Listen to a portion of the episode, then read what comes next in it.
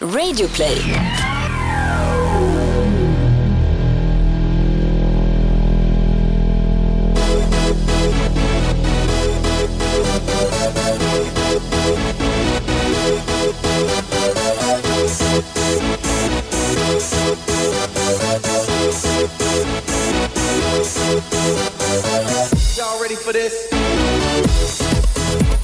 Hjärtligt välkomna till ännu ett avsnitt av Toto Balutto. Vi har en gäst med oss igen, det var ett tag sedan. Eh, känns kul Thomas?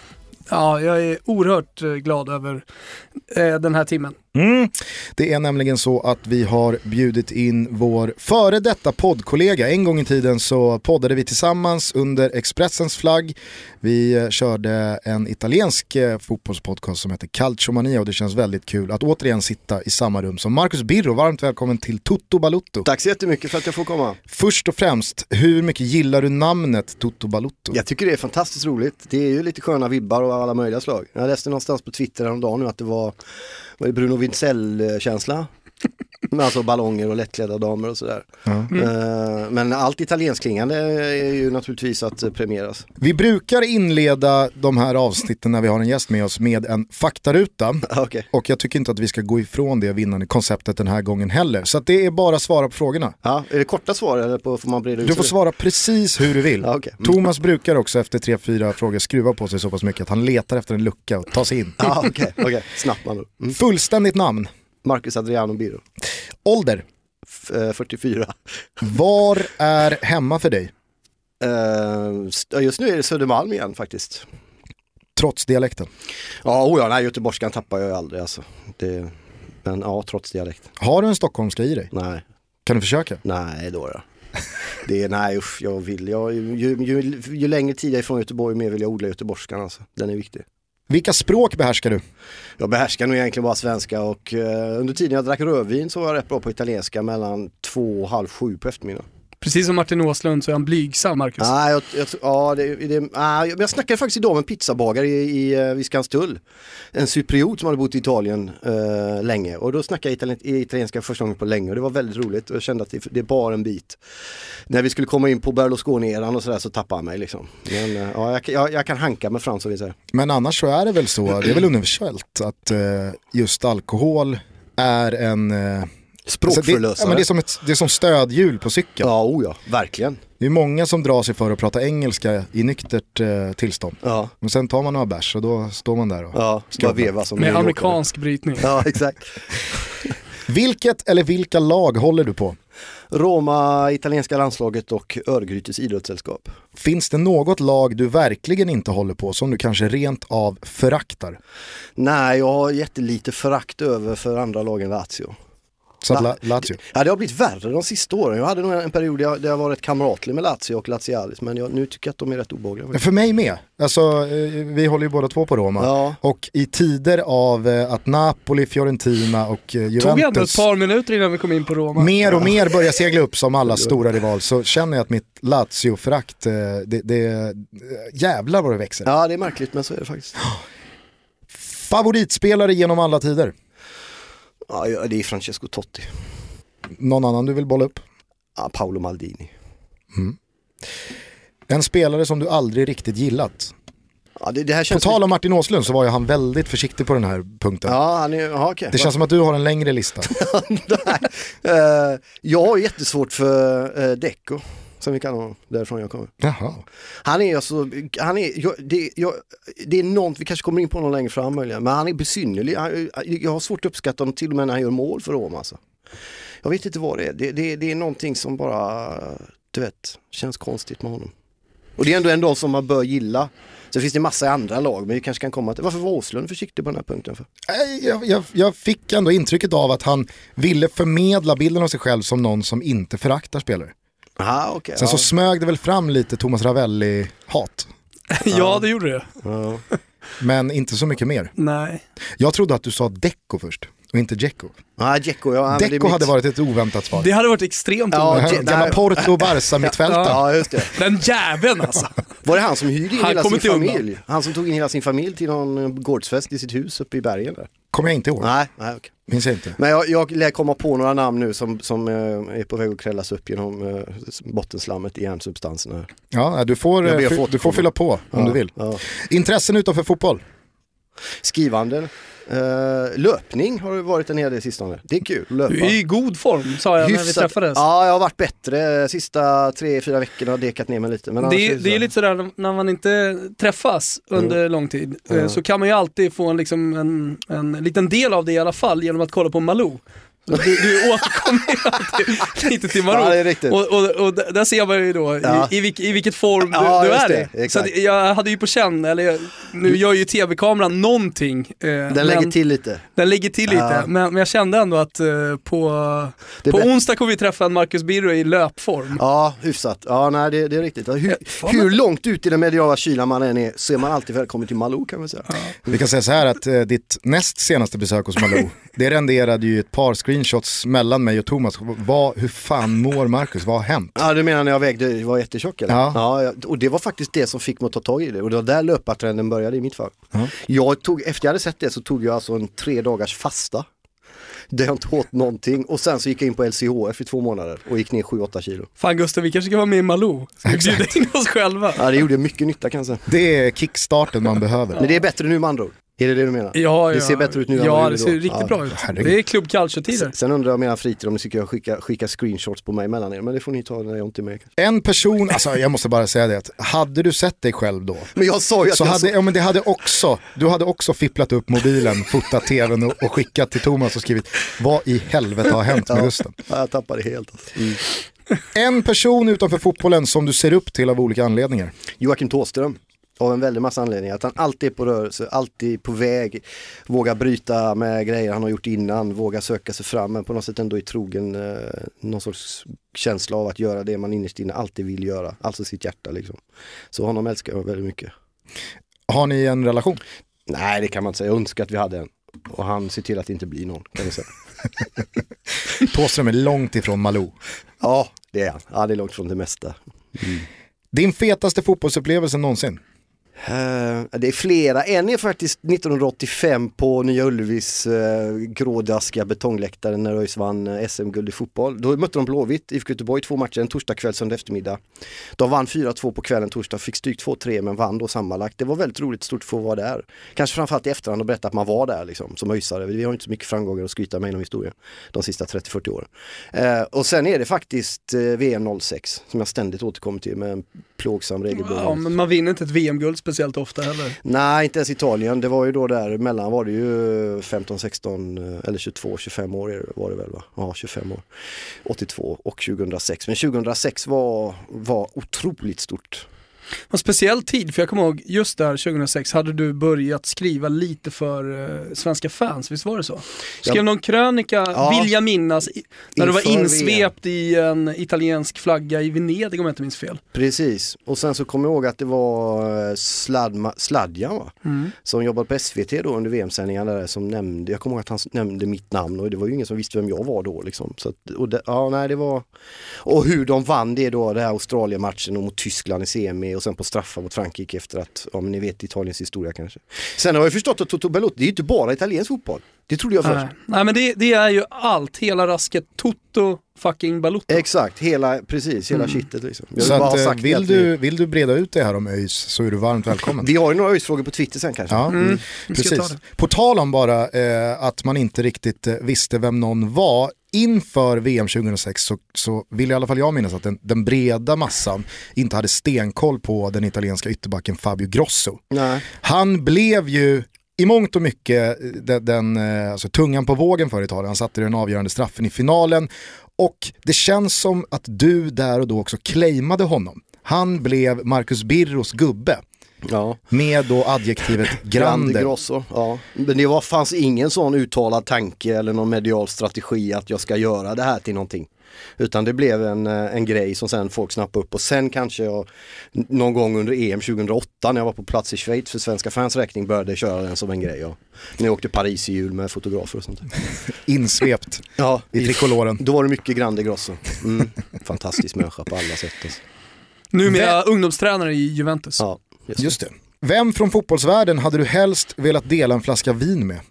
Ja, Efter att ha läst Pirlos eh, bok eh, en gång till alldeles nyligen så Andrea Pirlo skulle ju vara roligt att sätta sig ner och prata med lite grann. Gärna med en flaska vin. Sen hade jag aldrig kommit ur det sällskapet av olika anledningar men eh, det hade varit ett kul samtal tror jag, för mig i alla fall. Jag har lite svårt för Andrea Pirlos självbiografi på grund av titeln. Jag tycker att det är så jävla lökigt att han har eh, Du tycker det är lite högtravande på något sätt? Nej men jag tycker att det, det är så lökigt av honom att ha tagit då René Descartes, jag tänker alltså finns jag. Och gjort sin egen fotbollsversion av det. Jag spelar alltså finns jag. Men säger du det här nu därför att du vill citera vem det var som sa det här först? Och sen, Relevant fråga Marcus, bra. Alltså, du sätter ju fingret på någonting här. Det, det gör du för jag definitivt. såg det i ögonen på Ja, dig. Men. Mm. håll med mig om att det finns någonting lite halväckligt i det. Fast om du har, du har läst boken va?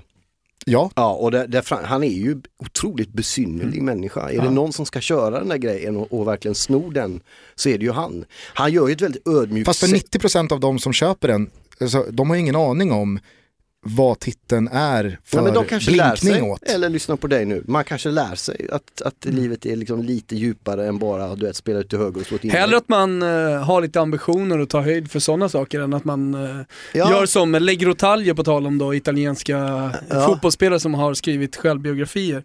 Den är fin. Eh, han, han har dessutom skrivit två. ja. Eh, och eh, det, eh, generellt sett kan jag säga, jag tycker väldigt många fotbollsspelare som, som eh, har kommit ut med självbiografier är helt intetsägande. Och vi har pratat lite om det här i podden, men, men nu för tiden så räcker det med att du har spelat fotboll, proffsfotboll i tre år och sen så kommer din första bok. Ja. Tänker på till exempel Mauro Icardi. Som eh, ja, eh, knappt har börjat sin karriär men redan börjat sälja böcker. Sådär. Men han är ju en såpastjärna mer också, i Italien just. Mycket med kvinnor Exakt, han är, han är ett koncept på något sätt. Ja. Man blir det nu för tiden. Ja. En, en produkt. Men det som är intressant med Pirlo där, det är ju att han, har, han gör ju sådär sävigt, lugnt, lite haschigt intryck på plan. Liksom, att det, det är inte så, men han, han verkar, sen är han ju, hans hjärna är ju konstruerad på ett helt annat sätt än det man ser av honom på, fotbollsplan. Han är en helt annan figur än vad jag trodde. Det är intressant. Vi kan vi kanske återkomma till, jag börjar inte ta över nu, men, men du vet med fotboll, jag skriver ju en fotbollsmemoarbok nu. Mats Magnusson, den gamla, Jag såg det. Jag såg där. det. men det kanske vi kan Jag, jag hoppas att senare. vi kommer in lite på uh, Marcus sen. Ja, det är väl eh, högst troligt Ja, antagligen. eftersom du är här. Ja. Mäktigaste numret du har i din telefonbok? Tåström. Ja det är Thåström, frågan är han byter ju sitt. Han klickar dig. Ja, han byter nummer ibland. Men det skulle vara Thåströms i så fall. Ja. Anna, som god tvåa, finns det någon? Uh, Mauro Scocco. Han har kvar samma, det är stort. Men jag kommer ihåg jag Svarar med... han? Ja, oh ja, Mauro svarar. Thåström svarar inte. Men Mauro svarar.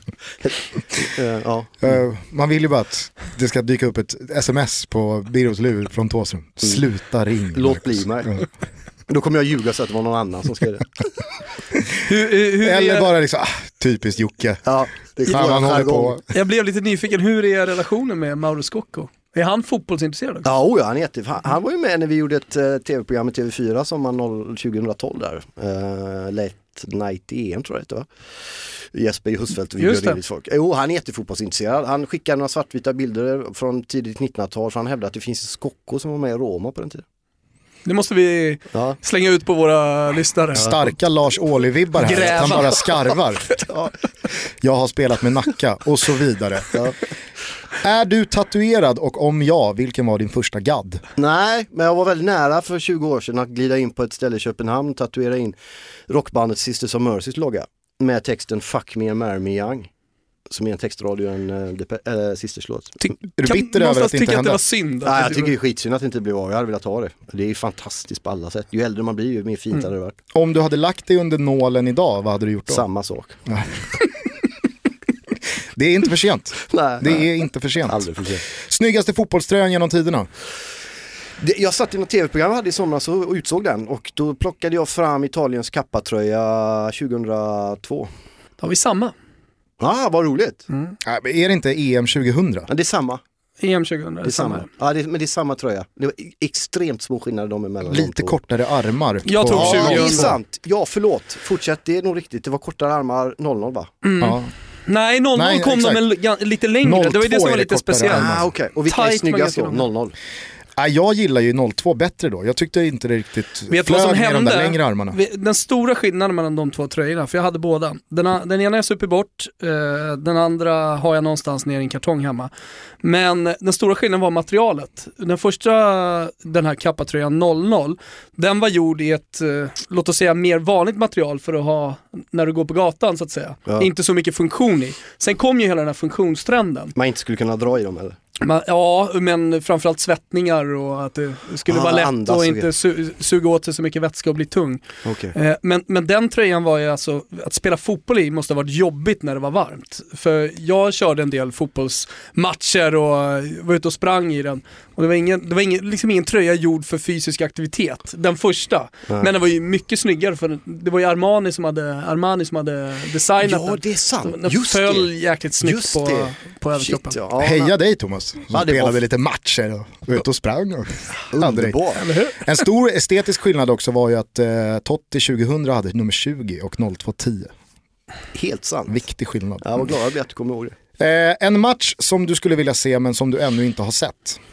Och då får man använda sig av sådana här hypotetiska termer att jag hade velat se ÖIS spela en avgörande Ja, ja men alltså. match eller Ja, det, ÖIS i Europa är ju ett tragiskt kapitel. De vann ju då 85 där, hade de ju den brittens, för brittiska lag var ju portade då efter Hazel. Så ÖIS tog hit Stuart McManus, en fin eh, ölbritt som kom dit och, och tog några nickdueller i eget straffområde på hörnor och sånt där. Och då kom ÖIS till Berlin. och fick möta eh, några östberlinskt lag där och hade, de hade tryckt upp specialtröjor då för det var ju annorlunda tröjor, kommer jag ihåg, apropå tröjor till Östeuropa som hade li- lila utan reklam och sådär. Och fick stryk bägge och åkte ut direkt. Så att, Känslan är att de tröjorna inte andades speciellt bra. Nej, jag tror inte det hade spelat någon roll i och för sig. De åkte ut där. Men ÖIS mot något italienskt lag hade ju varit kul alltså. Ifall ÖIS hade mött Roma. Nej men då hade jag hållit på Roma. Sista frågan, om inte Messi eller... Förlåt, får jag bara säga en sak där? Ja. Det där beror ju lite på vad matchen betyder för eh, de olika lagen. Jag kommer ihåg när Fiorentina mötte AIK, eftersom jag är aik Ja. eh, så betydde inte matchen jättemycket för Fiorentina. Vill jag minnas, i alla fall den andra. Och då tänkte jag, det är väl trevligt om AIK får med sig ett kryss. Sen blev det kross på Artemio Franki visserligen då. Ja. Men, men eh, om, det, om det hade varit ett läge där man kan välja, där det inte spelar någon roll för andra sant. laget, så är det ju trevligt. Speciellt för underdogen, för det Exakt, svenska laget. underdog-hjärtat har man ju, det är riktigt. Mm. Det har du en poäng till faktiskt. Om inte Messi eller Ronaldo fanns, vem tycker du är världens just nu bästa fotbollsspelare? Jag vet faktiskt inte. Svara med hjärtat. Ja, det är, jag vet inte riktigt. Vad skulle ni svarat? Jag svarar Francesco Totti. Ja. Han får ju spela alldeles för lite. Mm. Varenda gång han kommer in så är det ju liksom poängleverans. Bör du bli trött redan nu eller? Tvärtom, det, Men jag det är gillar inte det. sant. Jag Men håller med. varför spelar han så lite då när han alltid kommer in och levererar? Ja. Nej men jag, jag, jag håller med, det är klart att Totti ska spela mer. Jag ty- tycker att det finns en plats för honom i det här Roma-laget. Det är en besynnerlig eh, revirpiss Luciano Ja, det är Spalletti så håller på jäkla med. tröttsamt, han får släppa den grejen för det är sista matcherna nu, det är ju inte många veckor kvar liksom. Vet du vad jag insåg för några dagar sedan? Tottis sista match mot, eh, eller om det nu är så att han slutar efter den här säsongen, så är sista matchen Roma-Genoa 28 maj. Samma dag som Elitloppet. Det är ju, Det är surt. ja, det är ju ett helvete alltså. Det är, Elitloppet missar jag ju inte gärna. Nej. får du göra då. Men eh, det här... eh, Elitlopp, det är hästar vi snackar nu. Ja, nej, det kommer bli Gustav ett... har ju eh, många strängar på sin lya. Ja, han spelar absolut. Nej. golf, Ja. han har väldigt mycket så här orten. Ja. Eh, gå i Adidas Classic-byxor och ha coola t-shirts på sig och sådär. Balkanmode. Men han är, ja exakt. Eh, och sen eh, är han också Elitloppet och hela den svängen. Så att, Ja. han, han, han, han är liksom många olika personer Ja. samtidigt. En man att frukta. Det kommer i alla fall bli tufft att börja förankra i sms-grupper här nu snart att Elitloppet hänger löst för Jag min kan del. säga att jag har redan köpt biljett till den här matchen. Elitloppet. Exakt, faktiskt så. Jag kommer ihåg att kolla på hästar istället för Totti. Det var faktarutan. Ja, tack. Det går ju inte att eh, frångå eh, när du nu är här Marcus, att du är en man som eh, rör upp väldigt mycket känslor. Ja. Eh, när vi skickade ut på våran Twitter att du skulle komma och gästa oss så var det blandad kompott, får man ju säga. Ja, Toto Många- Balotto som vi säger. Ja, det var Toto Balotto i eh, hur det mottogs. Hur känner du kring eh, att ha fått en ganska så, ja men, eh, seg kan jag tänka mig själv. Alltså att ha fått den här stämpeln. Ja, det är ju klart, det, alltså, dels blev jag ju väldigt glad över att få komma hit och jag tror aldrig jag varit så aktiv på Twitter som jag varit det sista dygnet när jag fick svara på fotbollsfrågor från, från eran, via eran ut, liksom inbjudan här. Så det kändes väldigt, väldigt kul och väldigt bra. Sen är det ju väldigt tröttsamt. Så jag, jag skyller inte ifrån mig på någon annan längre heller. Det är mycket mitt eget ansvar, mitt eget fel att det har blivit som det har blivit. Och jag kan tycka att det, det, det är synd att det har blivit så eftersom det inte är sant. Alltså hela det här rasistsnacket att jag skulle ha gått med liksom i någon sorts Ku Klux Klan grej och bara vackla runt i vita lakan du vet och mässa eh, demokratisk valpropaganda genom att gå baklänges på pergament dygnet runt och sådär. Det, det är liksom, allt det där är ju fel. Det, men samtidigt så är det ju, jag har valt att fokusera på vissa ämnen inom svensk opinionsjournalistik och, och valt att lyfta en del grejer som jag tyckte varit viktiga att lyfta när ingen annan har gjort det och sådär. Uh, så jag får väl stå det kastet. Men det är klart att man eh, hade önskat att fördomarna var något mindre och att folk orkade ägna lite tid åt att läsa vad man faktiskt har skrivit, lyssna på vad man faktiskt säger och sådär. Av det som de facto hände, är det någonting du ångrar? Uh, ja, det skulle nog vara i så fall man får bli personlig att det kastades från mitt håll hårda ord mot, mot er. Framförallt mot Thomas kanske men också mot dig och mot en del andra på, på tidningen Expressen jag åkte ut som egentligen inte hade med saken att göra.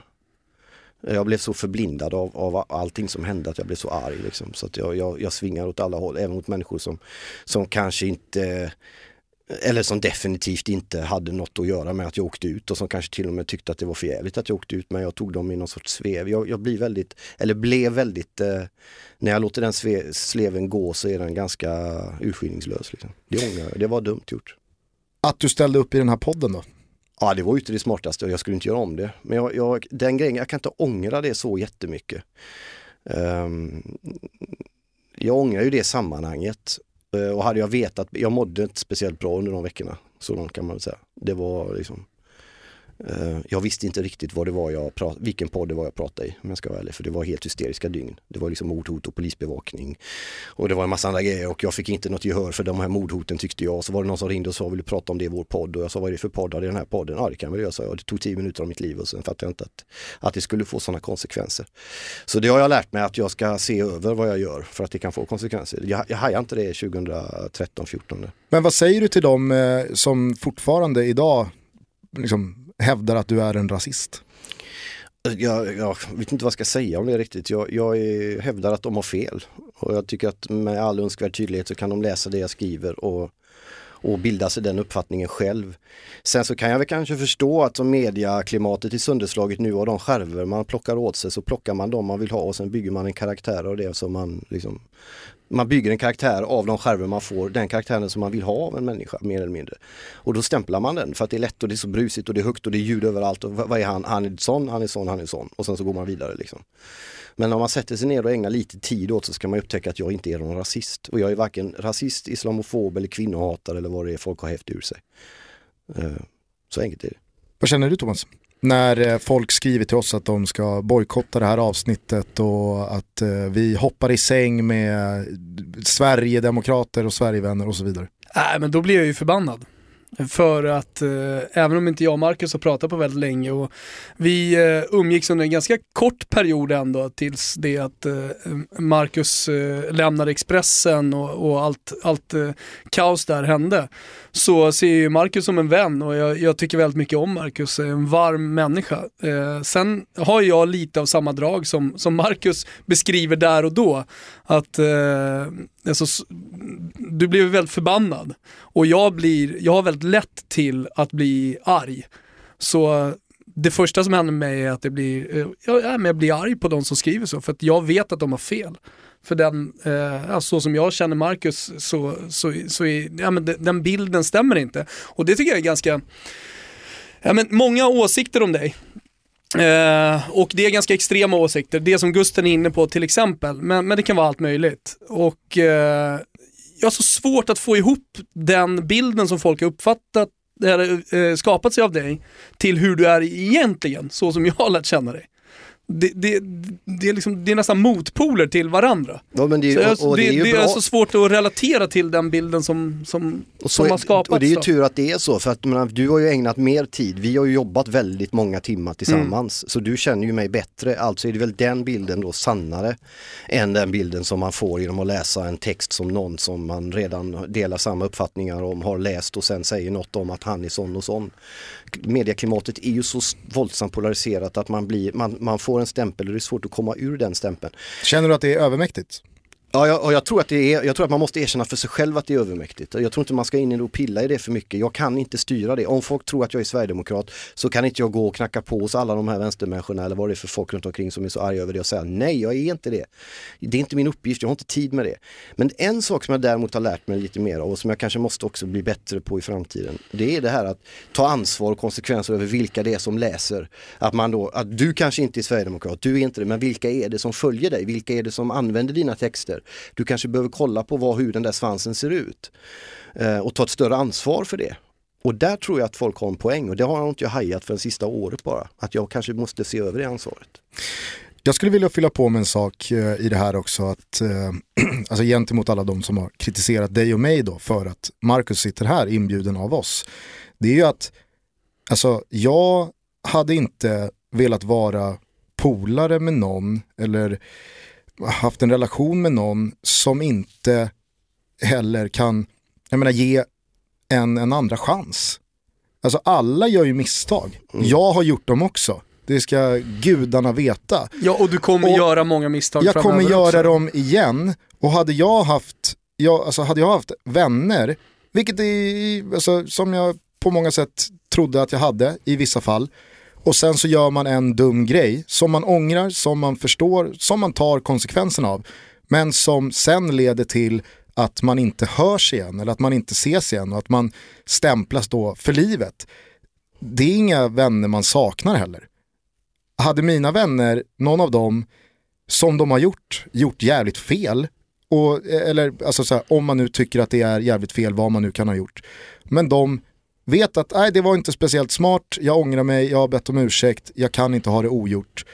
Jag menar, ska man då bara stänga dörren, säga game over, nu är det, nu är det slut. Mm, det man- så funkar det Nej, inte. Alltså det man indirekt gör då när man dömer någon och, och, och säger att den, alltså kapa alla band med den jäveln, han är sån och sån, han har gjort bort sig för allt fram. Det är att man säger att man själv aldrig kommer hamna där. Att man aldrig kommer göra bort sig själv. Eller Nej, att man aldrig på ett eller annat sätt.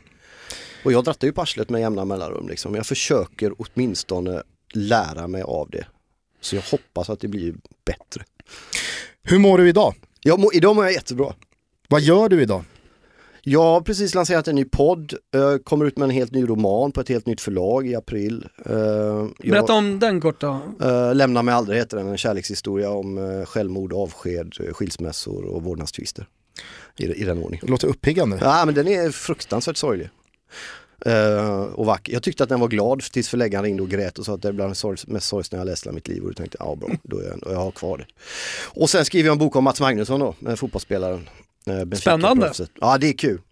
Och det har också lärt mig rätt mycket, eller väldigt mycket, att lämna mig själv. Och det vet ju ni stackare som har jobbat med mig hur, hur oerhört självcentrerad jag är och kan vara och har framförallt varit. Men att åka till Malmö, fem timmar tågresa alldeles för ofta och sitta ner och lyssna på den här gubben. Ja, hur funkar det att skriva? Det är underbart.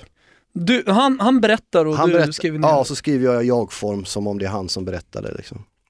Hur kom du i kontakt med honom? Det var idrottsförlaget heter de som ringde och sa att eh, Mats Magnusson vill skriva en bok och han vill att du skriver den. Du har ingen relation, du hade ingen relation med Nej, honom inte mer tidigare? att jag visste vem du var. Jag var 13 år när han gjorde det här målet mot Västtyskland i VM-kvalet 85.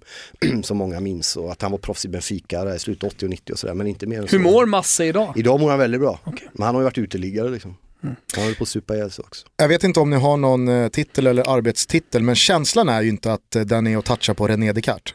Nej, nej det är det faktiskt inte. Det, arbetsnamnet Det känns är... inte som Masses gubbe. Nej, nej. Då, då är nog det bättre titel i så fall. Masses gubbe. Jag tror att det är Katedralens kejsare i arbetsnamnet. Ja. För katedralen hette arenan i Benfica när han spelade.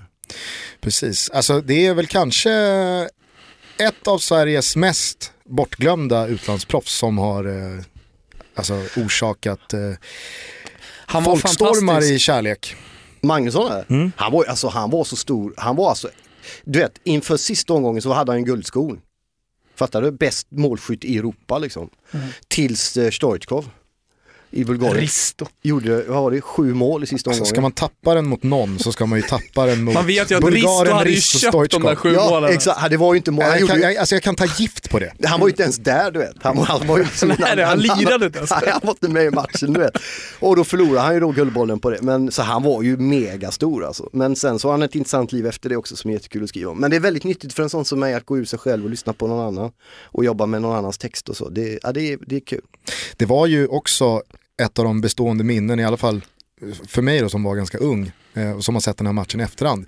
Bronsmatchen 94 mellan Sverige och Bulgarien så hade ju Stoichkov eh, möjlighet att då göra sitt sjunde mål och vinna skytteligan i ensam regi. Ja. Nu delade han ju med Oleg Salenko på Ja, det- sex. ja. Men han, han ägnade ju 90 minuter åt att bara peta in den där kassen. Men Ravelli stod i vägen. Och man såg att alltså Stoichkov sket ju i bronsmedaljen fullständigt. Det var inte det det handlade om. Nej. Det handlade om att vinna skytteligan. Exakt. Men eh, vad kan man vänta sig av den här boken i eh, datum för release? Den kommer i, den är klar, eller nästan, inte klar, men den kommer i september. Så att det är två böcker som kommer i år. Så jag har hållit mig eh, hyfsat eh, upptagen faktiskt. Så, men, men podd då och eh, böckerna, men det ju en jävla massa mer grejer. Nej, Nyheter 24 också. Mm. Jag gör tv och skriver artiklar och, och sådär. SVT. Ja, just det. Det är premiär också i dagarna här, ja. SVT Opinion. Kan vi inte lyssna en minut på när eh, Marcus pratar i SVT Opinioner? Jag har varit en del av svensk opinionsbildande journalistik, eller vad vi ska kalla det, i 10, 15, kanske 20 års tid. Och jag kan ärligt säga att jag har nog aldrig varit med om en tid som är tydligare polemisk än den tiden vi lever i just nu. Det är liksom som en stor strand, ett stort hav och sen en stor strand till. Och på de här stränderna så står det en massa människor och skriker åt varandra och ingen hör vad den andra säger därför att den, den, de bara gapar och skriker. Och i någonstans så känns det som att det, det är meningen. Att folk inte ska lyssna på vad den andra säger, eller ens vad man själv säger. Eftersom man är så proppfull med sin egen viktighet. Människor som säger upp i kantskaper med varandra. Fast de har känt varandra i 20-30 år på Facebook för att de röstar på ett annat parti. Att degradera en människa till en politisk uppfattning. Ja, nej, nej, vi har varit i, du vet, vi har haft hur mycket gemensamt som helst sedan 79 ihop. Men han går och röstar på det partiet, därför kan inte jag vara kompis med honom längre. Vad handlar den grejen om? Jag tror någonstans att ska sådana människor som jag och andra som säger att vi är så väldigt måna om att bygga broar och så över de här vattendragen ha någon form av förankring i det vi säger så måste vi börja bygga broarna och inte stå och gorma på att alla andra ska göra det. Jävla bra. Ja, vad bra. Det är många järn i elden som vi hör. Eh, men innan inspelningen så sa du här att du saknar fotbollen. Ja, jättemycket. Jag sände ett, ett EM-magasin, vi gjorde i all enkelhet på Nyhet 24 i somras under EM då och sådär. Med Pinitoro. Just det. Ehm, och det var väldigt, väldigt Adam kul. Pintorp för de som Mm. inte Ja, greppade smala smeknamnet. ja, exakt. så det var väldigt roligt. Eh, men jag saknar jättemycket att jobba med då, framförallt den italienska fotbollen. Hur Det- konsumerar du fotboll idag? Jag kollar ju på extremt mycket, men det är ungefär som när, som när vi jobbade med Calciomania på Expressen, podden vi hade och även på Club Calcio. Att det, är, ju- det är ju nästan bara italiensk fotboll och landskamperna och Champions League. Jag kollar inte allsvenskan och så, så mycket liksom. Följer du ÖIS eh, på något sätt? Ja. Eh, kolla matcher liksom? Ja. Det är ju svårt nu. Nej, det är ju lättare. Ja men, det är inte, ja men det är inte jätte... Nej, Alltså, men de var, jag såg dem i Täby till exempel. ja, De mötte ju Frej, just det. de fick stryk. Ja. Ja, så att sen dess har jag inte sett dem live. Men de är ju på tv ibland.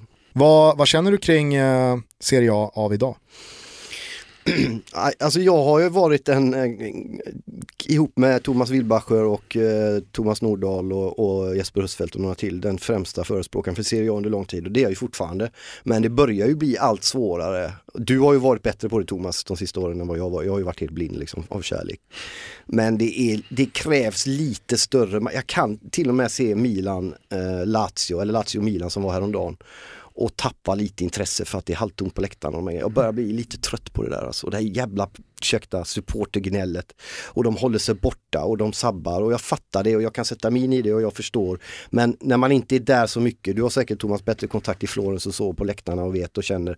Jag blir bara, kom igen nu, vi måste hjälpas åt för att få det på banan igen. Det är lite den gubbkänslan. Fast Men det jag tycker det, att vi kan ha de är det ute efter? perspektivet ändå när vi diskuterar det. För, för det, sto- det är ett stort problem. Jag menar det är ju italienarna, när man läser italiensk media, fullt medvetna om också. För, för den europeiska fotbollen, andra ligor, andra storligor kommer ju närmare och närmare Italien också. Mm. Eh, förr i tiden så följde man bara sin liga och så var det nog egentligen i alla länder. Mm. Men, men nu för tiden i Italien är det många som kollar på ja, men Premier League och La Liga när det är stormatcher eh, och sådär. Och det är klart att produkten Serie A tappar ju extremt mycket när man ser att eh, liksom det som har varit hela den italienska själen, det som har varit grunden till att man verkligen gillar Italien, passionen, eh, ja men som du säger fulla läktare, kortsidor som sjunger hela matchen. När man också börjar tappa det, eller när man börjar tappa det förutom det sportsliga, då har man inte så stark produkt längre.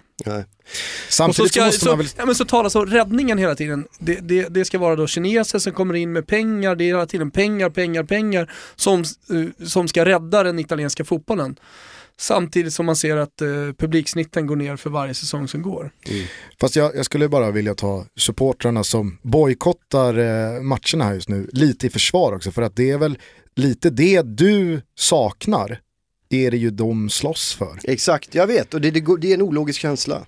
Jag får inte ihop den, jag vet ju det, jag är medveten om det.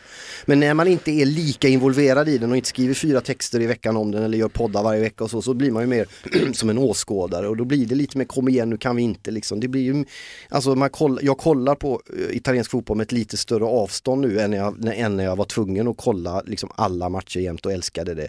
Och, och till slut är det ju så att när man då hör kommentatorerna hur bra de än är inför en, en match mellan Lazio och Milan och de börjar med att säga att det här är två gamla storlag liksom du vet, var för bra, mm. kul, nu är det inte. Men jag tycker att det är intressant det du säger, alltså att, att ta det här från, när till och med Marcus Birro börjar tycka att det är lite tråkigt att kolla på Serie A. Jag menar, hur ser det ut då för gemene man? När till och med Birro kuskar mm. ut i Täby för att kolla Frej ÖIS. Mm. Ja, nej men, men är det, det, det är ju någonting, sen kan ju, jag, jag tar supporterna i försvar hela tiden och jag förstår absolut Lazio-supporterna som är trötta på, på Lotito. Uh, jag förstår absolut Roma-supporterna som blir misshandlade, uh, som inte har några rättigheter, som åker på uh, avstängningar från arenor i flera år fast de i stort sett inte har gjort någonting. och jag tycker att man ska protestera och det tycker vi väl alla gemensamt och många som lyssnar på det här med. Eh, några måste också stå på barrikaderna längst fram och, och säga emot när det är liksom förhållanden som inte är knappt mänskliga. Och det är i grunden, och det tycker jag alltid man ska komma till, det är supporterna som är fotbollen. Vi måste också, klubbarna, myndigheterna måste ta tillvara på dem. Men utifrån det här perspektivet, att man sitter hemma, för det är ganska få, måste jag ändå säga, i världen som skiter fullständigt eller som inte har en aning om vad Roma-supporterna protesterar mot.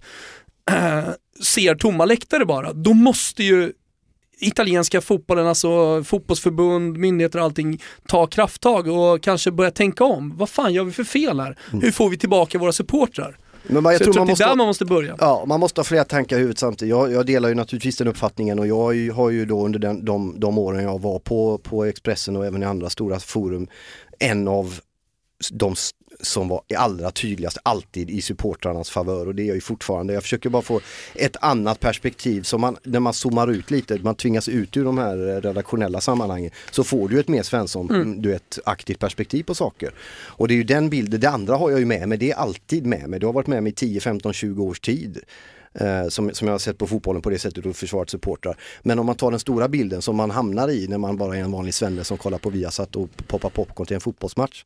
Så kan jag tycka att det är jävligt trist att det ska behöva vara så. Jag tror man kan ha två, två tankar över samtidigt. Absolut, sen så är det väl så att det, det, det fina i kråksången, eller vad man brukar säga, är ju att det kommer ju till slut förhoppningsvis vara så att supportrarna segrar.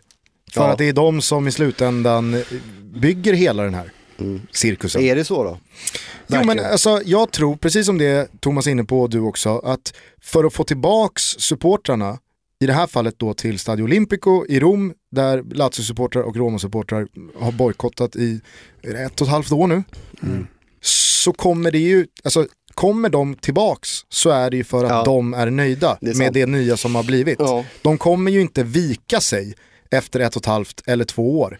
För att okej, okay, vi måste fylla arenan igen. Det här, det här har gått för långt. Och det är ju det som jag tycker är det mäktiga. Mm. Kraften i människan, att det är till slut folket som bestämmer. Ja, det handlar ju i grund och ja det är ju fantastiskt försvarstal och jag hoppas att du har helt rätt. För det handlar ju liksom om vem det är som äger rättigheterna till ett lag, en klubb, vem det är som verkligen styr. Liksom. Och, och är det så att det är folkmakten segrar i förlängningen så är det ju fantastiskt. Så jag hoppas verkligen att du har rätt. Det vore ju kul. Men jag är lite nyfiken på det där du sa Thomas om att italienarna i Italien också har börjat konsumera andra ligor. Kanske i lika hög utsträckning som man tittar på andra Serie A-matcher. Upplever du att den rörelse som allsvenskan är i Sverige, att det finns en självbild av allsvenskan som är att vi vet att det inte är speciellt bra fotboll. Vi vet att vi inte har på den största scenen att göra. Men det är jävligt vackert ändå. Finns den slängen i Italien eller är det, Nej. fan vi är inte lika bra och lika vackra och lika mäktiga som vi en gång var.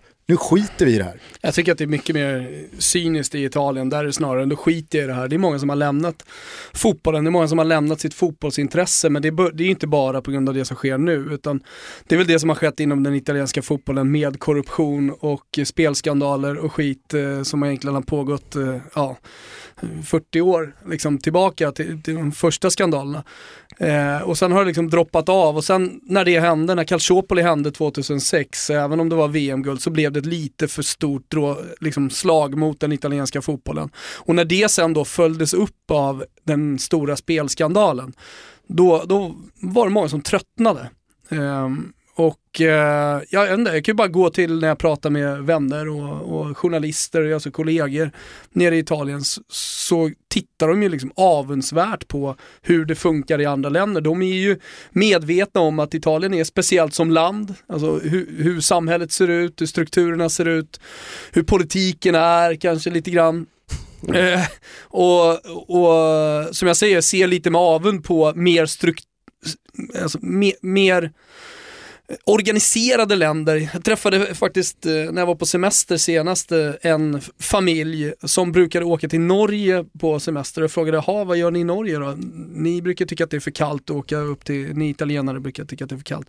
Äh, vi njuter av organisationen och hur rent det är och Ja, hur, hur städade människor är och Ja. att det är lugn och ro sådär. Ja. Eh, och Att alla står i kö. Ja men lite, lite åt det hållet. Eh, sen så har ju Europa öppnat sig på ett helt annat sätt ju de senaste 15 åren. Eh, Alltså italienarna börjar bli mer europeer också. Ja. Eh, även om de, ska säga, de, de, de har väl en större tröskel till att bli det än vad vi svenskar har. Ja. Eh, Men sen, det fanns ju en rörelse i Italien till och med mot, eller från fotbollen delvis till, till rugbyn va?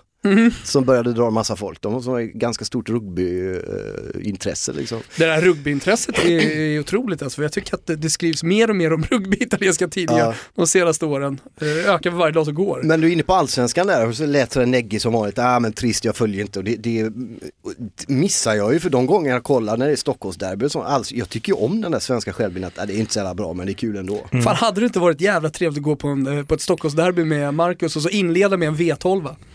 Vad är det våröl och ta starkbär sen? Exakt. Det är du som har Det- myntat ja, det är jag, så, ja, jag trodde någon annan också hade den. Nej, nej. Ah shit alltså, jag har inte kommit ihåg någonting av den här matchen. Känns kompatibel senaste- med Bayern. Bayern. Bayern! Men visst är, visst är alltså supporterskapet på ett Stockholmsderby av Europaklass, ni som ändå har liksom fortfarande koll. Innan Thomas eller jag svarar på den frågan Ja. så måste jag fråga dig Ja, är som är fotbollsintresserad, du har eh, ett eh, hjärta förankrat i ett Men- svenskt lag, Ja. i, och du följer en utländsk liga väldigt eh, nära, du tittar på Champions League, du tittar på eh, landslagssammanhangen och sådär. Men du kanske inte grottar ner dig i allsvenskan. Mm. Vad är din bild av allsvenska läktare om du går till vad du har nåtts av de senaste åren? Har du påverkats av all den negativ, negativa liksom, mediala uppmärksamheten har fått eller har du nåtts av att det är en jävla positiv kraft i allsvenskan? Det är en positiv kraft. Jag, hade, jag var på väg att känna att nej, men det är bara en massa fylledrägg som tar tunnelbanan du vet och det är krig vid Gullmarsplan och de ska åka och sådär och det är bara stökigt. Och så gick jag och kollade på Tele2 på AIK Hammarby. Eh, Och matchen var ju bedrövlig, men det som var behållningen var ju supporterskapet. Mm. Hur de häcklade media, framförallt med olika banderoller som kom fram, hur de sjöng. Fan då trivdes du. Ja, det var fantastiskt, det var riktigt, riktigt bra alltså. Det var högklass. Eh, så hela den där, eh, liksom att man ska känna sig osäker eller det var jobbigt och sån där. Jag tog kollektivt dit och kollektivt hem jag hade, det var hur lugnt som helst. Ja, men, alltså, jag, jag måste, ja, exakt, och, och sen så är det väl så att i, i, i den bästa av världar så försvinner alla de här incidenterna som inte är önskvärda. Men det är ju också en utopi. Man måste väl för fan kunna se på det för vad det är att 99% av alla matcher, av alla som går på fotboll, av alla som konsumerar produkten allsvenskan om man ska prata om den som en produkt. Det är människor som på ett eller annat sätt bidrar till att den är fantastisk. Ja, exakt. Ja, ja, ja, det känns skönt att du då som svensk fotbollsintresserad men inte liksom en allsvenskan junkie ändå har bilden av att allsvenskan är någonting positivt snarare än att det är bara massa jävla stök och Nej, bök. oh ja, väldigt mycket mer positivt. Och med komplettering att okej, fotbollen är väl sådär, men det är, vilka fester och vad bra och vi, vi Och det är så skönt att folk är, alltså så här, jag älskar att självbilden när det kommer till det sportsliga är rimlig i Sverige. Jag älskar det. Ja. Det är så här, jag, Fast den är inte, den är inte 100% rimlig. Det måste jag ändå sticka in och säga. Och Många tycker att fotbollen är bättre än vad den är. Sen finns det ju andra avdelningar i svenska Ja, det, samhället. det, det upplever Där jag. Eller, eller så här, är- upplever, förut så tyckte jag inte det. Eh, men eh, ju sta- alltså, desto starkare mitt intresse på senare år har blivit för allsvenskan i och med att jag har jobbat lite mer med det och eh, ja, men medvetet själv då tagit ett steg tillbaka till allsvenskan. Så, så, så tycker jag faktiskt att eh, folk överskattar lite den fotboll som spelas. Jag tycker att det är nio gånger av tio när allsvenska klubbar pratar om det sportsliga och den nivån som Allsvenska är. klubbar pratar om Ja, eller men klubbar och supportrar. supportrar också, så tycker jag att det väldigt ofta stannar inom rimliga gränser. Alltså att man pratar i relativa termer jämfört med andra svenska lag, man kanske jämför med nordiska lag, nordeuropeiska lag. Jag hör väldigt sällan supportrar eller de som verkar inom allsvenska klubbar prata som att, ja, okej det är väl ett par steg till Real Madrid, men det går. Det går. Nej men nu, nu var det ju extrem där. Men- eh, jag, jag, håller inte med alltså. jag, jag, jag, jag tror att eh, man, man överskattar lite den fotbollen och den fotbollskompetensen som finns inom svensk fotboll. Vi hade kommit ifrån varandra när Sverige vann EM-guld i U21 där. Hur, hur har det präglat? För den grejen, å andra sidan, jag kan inte, liksom, den har ju inte alls satt sin prägel. Det är ju en stor grej. Det är otroligt stort. Tycker folk att det är stort här eller vad tycker ni? Det inte finns ju krönikörer som tycker att det blev för stort i och med att det var ett, ungdoms, eh, ett eh, ungdomsmästerskap. Eh, och så drar man parallell till JVM i hockey som man tycker får alldeles för mycket eh, uppmärksamhet. Men man kan ju faktiskt göra eh, en jämförelse med eh, supporterna som var på plats där och då under U21-EM i Tjeckien. Ja. Då var det kanske hundratal då på första matcherna, sen blev det fler och fler och så på finalen tror jag det var 3000.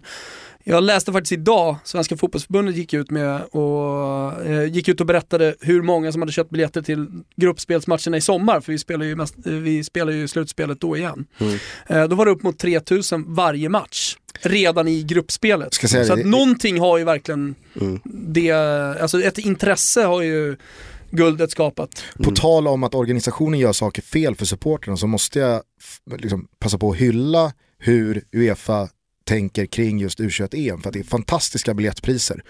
Eh, det är... Kostar ingenting. Nej, alltså det är, jag tror att du kan köpa ett eh, biljettpaket till gruppspelet, tre matcher för alltså 300 spänn.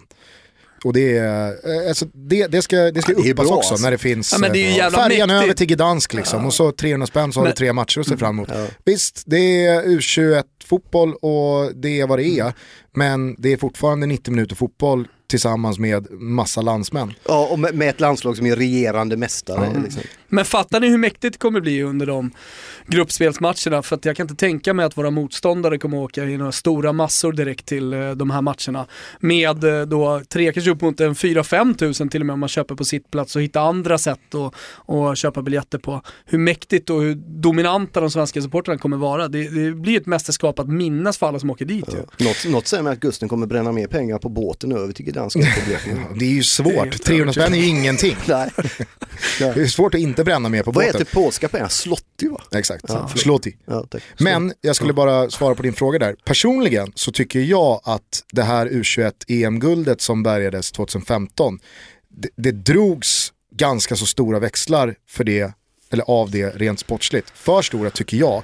Det var en tvåveckors turnering där ett domslut hit, ett domslut dit hade kunnat få en helt annan utgång på den turneringen och Sverige hade inte varit ett bättre eller ett sämre fotbollsland för det. Men det säger väl en hel del Som om en hur isolerad- svältfödda vi är på Absolut, framgång. jag säger bara som en isolerad händelse så är, tycker jag att det är fantastiskt. Och det är enormt. Ja, där var, fanns Tyskland, där fanns England, där fanns Italien, där fanns Portugal.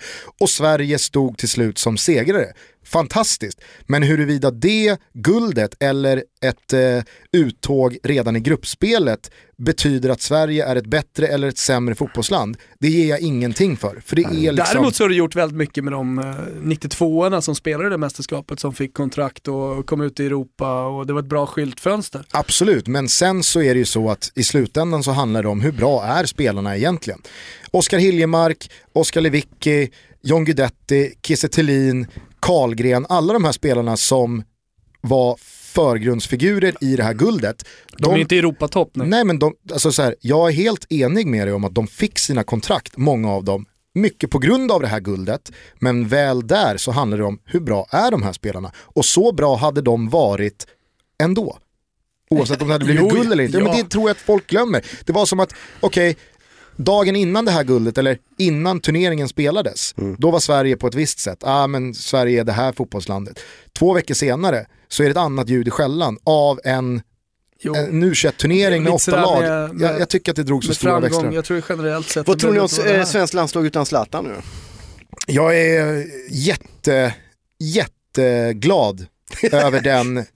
Alltså, nej, men, nej, men, nej, absolut inte det. Nej. Men jag, jag befarade att det skulle se mycket värre ut än vad det har gjort. Mm. Jag tycker att Jan Andersson och spelarna som har presterat på plan har verkligen kommit in och visat att det finns en framtid utan Zlatan. Ja. Eh, och det är det enda jag begär av den här första tiden. Jag tror inte att Sverige går till VM och det känns helt fine om man nu pratar ur rimliga sportsliga krav i en grupp med Holland och Frankrike. Sen är det klart att man hoppas och vill att det ska bli så. Men det jag eh, oroade mig för att jag inte skulle se eller tro eller känna, det var ju att vad fan är vi på väg någonstans? Det har ju Sverige visat nu under den här hösten att vi har någonting på gång här. Ja. Eh, så att, eh, så var det. Bra. Själv då? Kollar du svenska landslaget? Ja, lite grann i och med att du är en gammal löjsare som tränar va? Nej, men det är kul att följa. Jag tycker det är spännande att se hur man bygger ett lag. Vi har ju varit inne på när vi hade de här poddarna att, att man bygger ett lag, att spelare som Gattuso har vunnit VM medan en gubbe som Messi inte har gjort till exempel. Och sånt där. Man, bygg, man, kan vara, man kan bygga ett, ett eh, starkare lag med svagare spelare om man får ihop det. Och det är väl det han är tvungen att göra liksom. Och är man skicklig på det så kan man gå jävligt långt. Kommer ihåg när eh, Per-Mattias Högmo tog över Djurgården så var jag och Björn Jonsson på Fan-TV och Svenska fans nere på Kaknäs för att intervjua Högmo och han kom ut eh, från eh, omklädningsrummet där de hade haft en stund tillsammans och några av spelarna hade fått eh, säga någonting eh, om laget eller liksom sina lagkamrater som människor eller någon hade läst en dikt eller någon hade Underbart. Hade någon läst en dikt? Ja, då var det mittfältaren Josef Chipsa. Mm. Han hade ställt sig upp eh, och eh, plockat fram sex stycken kvistar. Bara träkvistar. Oj. Och så hade han ställt sig upp inför alla och eh, brutit av en kvist. Och Mm. sagt att när det bara är en kvist så är det väldigt lätt att bryta sönder den. Aha, okej nu vet jag. Men eh, om jag tar alla de här fem kvistarna tillsammans Ja, så går det inte att bryta av. Och Högmo var helt, han var helt lyrisk Ja. över... Tagen kanske? Ja, men han, alltså, han kom ut från omklädningsrummet och var nästan vatt, aldrig- vattnig i ögonen och Ja. tänkte att så här, fan vad, efter alla jävla utbildningar och pro-license och skit Ja. som man har eh, tvingats gå igenom så handlar det ändå om det här. Lägg in kvistarna i den pärmen. Vi är ju sponsrade av Betsson, Betsson.com. Vi eh, har ett par jävla polare där borta. Mm. Och de är ju... Eh, Givmilda. givmilda. För när inte du och jag kan leverera cash in genom våra tototripplar så finns När ju allt Betsson... går emot oss. Exakt, när allt går emot oss. Så finns ju Betsson där bakom i eh, skuggorna och delar ut lite tröstpriser kanske några vill kalla det, men eh, vi väljer att kalla det en, en bonus, en kicker Mm. på att eh, man hakar på Toto-trippen-tåget. En av de här grejerna är ju att det skickas ut matchtröjor till ganska så många av alla ni som är med och ryggar Toto-trippen. Och jag har faktiskt vunnit. Jag har vunnit en tröja. Ja, och då vinner man ju ett, ett, ett, eh, ett presentkort som man då kan gå in och beställa sin tröja och sen så får man den hemskickad. Så kan man välja då mellan europeiska lagströjor. Och då tänkte jag, nu ska jag göra något snällt där för Thomas. Han behöver en matchtröja. Så att eh, då valde jag ju omsorgsfullt. Gud vad snällt. Eh, så att Alla jag, hjärtans dag och allt. Exakt. Jag har här klickat hem. Ja, du får kolla själv. Ja, det här ska bli spännande. Jag ska se, svart och blå ser jag att den är. Eh, Men det känns inte som någon intertröja direkt. Nej. Nu ska vi se här. Puntigamer. Ah, det här är ju, jag vet vad det är. Sturm Graz, mitt österrikiska lag. Precis. Fasen, den är fin du. Den var riktigt cool. Tack så jättemycket, vad glad jag blir. Jag Jag, som large. inte har vunnit. Jag tog en large. Kändes ändå schysst. Jag är glad att du inte tog en XL. Eller medium. Alltså här, ja, medium hade ju inte kommit i överhuvudtaget. Medium hade ju varit för snällt. Det men hade ju det- varit så, så snällt att det blir obrukbart. Tröstpris vet jag inte om det känns för. Det här känns som en, eh, en stor gåva. Ja, och den här tröjan är ju en av alla tröjor som Betsson har delat ut till många av er som har ryggat Toto-trippen den senaste tiden. Så Tack att, eh, tack Betsson för att ni gör det här och eh, ja, varsågod säger jag väl till dig då. Ja, han kommer på nu. Mm, super. Innan bara vi bränner av ett litet frågebatteri från våra lyssnare så tänkte jag fråga dig eh, vad fotbollen har betytt för dig under de här två senaste åren när det har varit stormigt, antar jag. Ja, det har betytt, alltså jag, jag, jag tänkte på det nu när vi satt och snackade lite här att jag har fått ta helikopterperspektivet. Jag tror att det har göra med att eh, jag saknade det så jävla mycket. Jag hade svårt att se kvällsmatcher från San Siro till exempel. Jag gjorde ju det ändå eftersom jag älskar att kolla på Milano där men apropå supporterskap så är de bland de vackraste i världen. Liksom. Men jag saknar ju det där att fan jag har ju satt för förra året då när det nu var liksom att, och då tänkte när jag fick jobba med det och sådär. Så jag gottade mig lite i min egen olycka att jag inte fick kolla på med det. Sen så tror jag det har varit nyttigt för mig att backa ur och ägna mig åt lite andra saker. För jag jobbade, har jag märkt nu när jag slutar med det, så oerhört hårt med fotbollen under så lång tid. Många sena kvällar, man satt och kollade på fotboll på ett speciellt sätt då när man vet att man ska skriva texter om det, eller hur? Ja, verkligen. Så att det där har ju sluppit, man har fått vara, men man har ju blivit, jag känner det nu när jag sitter här med er som kan så oerhört mycket och ni kunde ju mycket mer än mig redan då när vi jobbade ihop. Eh, för jag har ju alltid, och det har ni tror jag sagt någon gång, ni har inte varit med också säkert, både när det har varit mikrofon och annat. Eh, eh, mitt kunnande är ju, är ju till viss del en, begränsat helt enkelt. Ja, ni kan ju mer och det kunde ni då med. Men jag har tappat en del, jag kan inte alla mittfältare i, i liksom V- V- Locatelli, hur unga ni är i Milan och alla de här grejerna. Eh, och, och jag tror att det har varit nödvändigt för mig att backa ur lite och, och, och kolla på fotbollen med lite mer distans. För jag, jag, satt, jag satt jävligt djupt i det. Liksom. Man, jag tycker att eh, fotbollsbevakningen på tv går mer och mer åt att vara mer eh, teknisk. Man analyserar situationer, man an- analyserar spelet och om man då bara backar bandet lite till att vi gjorde Club Culture så, som var mer ett magasin. Mm. Där satt Martin Åslund till exempel och eh, hade, hade det perspektivet tillsammans med, låt oss säga Thomas Nordahl. Eh, och så fanns du där som lättade upp det, eh, stod för en annan Eh, låt oss säga lite mer distanserad från spelet, eh, distanserat perspektiv. Eh, som jag vet att väldigt många som gillade italiensk fotboll tyckte om.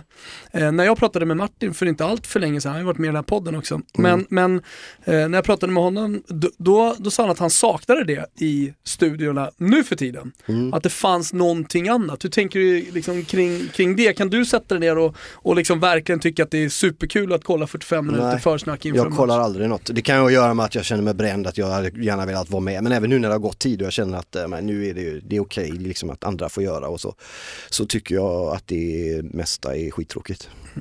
Jag tycker alltså en sån supertalang som Simon Bank till exempel som, som jag vet har ett, han är en skrivande, kännande människa. Han skulle kunna ha ett annat fokus, hamnar också i de här korta en och en halv minuters analyserna som vem som helst egentligen kan leverera som kan fotboll då liksom. Att det finns inget utrymme för, folk är inte intresserade av att någon sitter och breder ut sig och, och berättar om hur kaffet smakar på mm, kaféet bredvid eller om det är godare ö, tvärs över torget.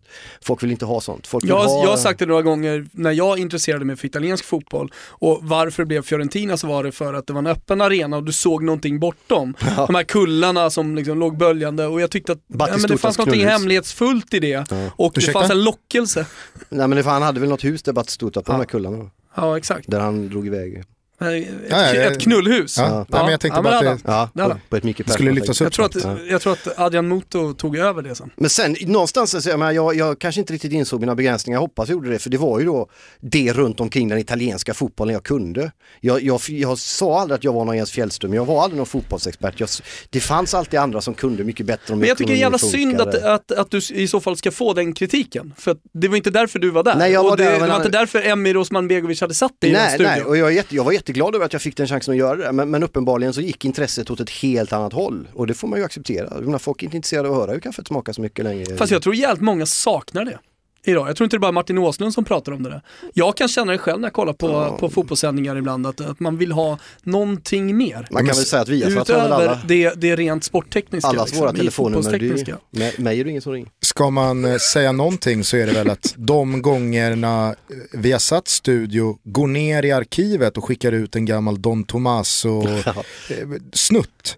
Då är det ju den som folk skriver om i sociala medier efter sändningen. Det kanske inte är analysen av hur Ja, bakytan också, ser ut. eh, men det måste finnas plats för andra. Ja, ja, det är det, det, det jag säger. Jag Mm. fyller ju bara på här. Att det har ju uppenbarligen fortfarande eh, en efterfrågan och en uppskattning hos dem som... Mm. Men det är en konjunkturgrej, det går Får. upp och ner det där liksom. Och sen när jag blev peststämplad av olika anledningar överallt så, så var det liksom kört där också. Men vi ska ju säga det att det var ju ingen som, när det gällde Club Culture så var det ju för att få kolla. Det var ju inget som vi gjorde som var fel eller att jag sa något dumt eller höll på med något. Sjöng inga opassande ramsor. Mm, nej, nej, faktiskt var det så, nej precis. Du, vi bränner av några snabba frågor här nu. Du ska alldeles strax eh, dra och Nej hämta men det, är lugnt, barn. det var roligt där, vi tar ett tag till. Ja, men då eller om så. inte ni eh, så. Ja, vi får se om någon knackar på. John Filip Andersson, han undrar vilket lag du finner som mest sympatiskt i Serie A över tid, inte bara den här säsongen. Jag vet inte vad han menar med över tid, var det så länge man Ja, kan... men, eh, jag- Kanske alltså, som här, klubb. Den här säsongen har ju till exempel Aha, då Thomas eh, fastnat lite för Kievos förmåga att ta poäng trots att de är bedrövliga. Men det, är, Ah. det är inte så mycket De har alltid tid. haft det lite grann, men de har varit exceptionella i år. Smash and grab. Eller de så här- kommer, tar en poäng och drar. Eller Den här säsongen så har ju många eh, fastnat kanske då för Atalanta.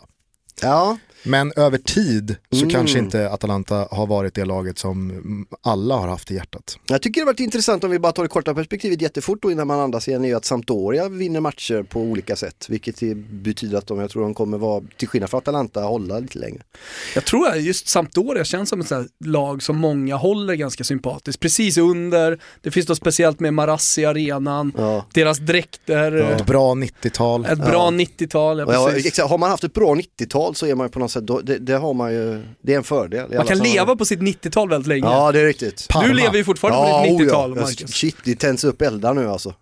Det är ju 90-tal för den här, men vi kan inte köra 90-tal, vi kommer aldrig därifrån. Men du menar alltså sympatiska lag, Milan, alla i Italien har ju Milan som andra lag nästan. Alla älskar Milan lite i smyg sådär. Eller vad tänker du på mer? Nej, Jag, jag läser bara John Philips fråga här. Ja. Du har väl fritt Nej tolkningsföreträde? men Milan tycker jag är sympatiskt. Och sen så är min farsa ju Juventino så att jag, jag, liksom, jag har ju, jag gillar ju min pappa. De, de är inte sympatiska. Nej jag vet, men min, pappa, öre så att... min pappa är. Svara inte fel här. Nej, jag okay, okay. Svara inte fel. Fan vad bra. Ja men Milan är, gillar jag ju. Sen Ja. Maldini-tiderna på 90-talet. Vad gjorde du på 90-talet? Jag kommer inte ihåg någonting. Satt på italienska föreningen och drack rappa. Hugo Andersson undrar ifall du är positiv till en ny arena för Roma. Ja, vad fan har de inte byggt färdigt den skiten än? De började gräva och tog bilder och skickade ut för två år sedan, sen hände ingenting. Orkar inte alltså. Hur många alla gräver? De har tagit första grävskopan och de tagit på det hela Problemet är att de ska hålla på att byta styrande politiker Du hela snackar tiden. problemet i singular när det gäller romabygget, då kommer vi aldrig härifrån. Alltså. Det, är, ja, det, är en, det är en politisk härdsmälta av...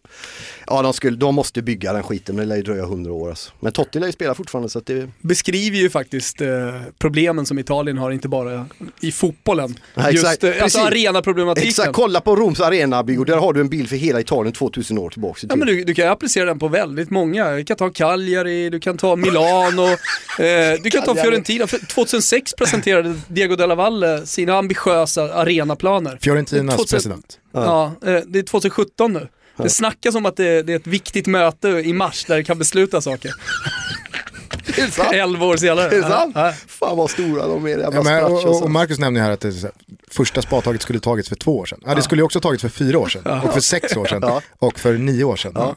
Så att eh, det, det, det ska tas många spadtag till. ja. Så kommer det sådana här 3D-grejer de lägger ut så man kan cirkla och helikoptervy. Alltså, Men du är, om jag ska förstå det rätt här, positiv till att Roma ja, eh, men det kommer bygger aldrig hända. Men vi är positiva så länge. Ja, så finns det alltid undantag som bekräftar regeln, typ att Udinese fick eh, möjlighet att göra om sin arena. Ja, ah, men det finns hopp. Ja, Det finns inget hopp. jävla land. Orkat. Eh, Merhudin Muratovic, Mm. han undrar om du kan eh, utveckla lite eh, dina känslor kring Edin Dzeko. Ja, men vad bra. Tack för uttalet också då. Ah, ja, det är en, en otroligt besynnerlig människa alltså. Vad jag vet inte vad.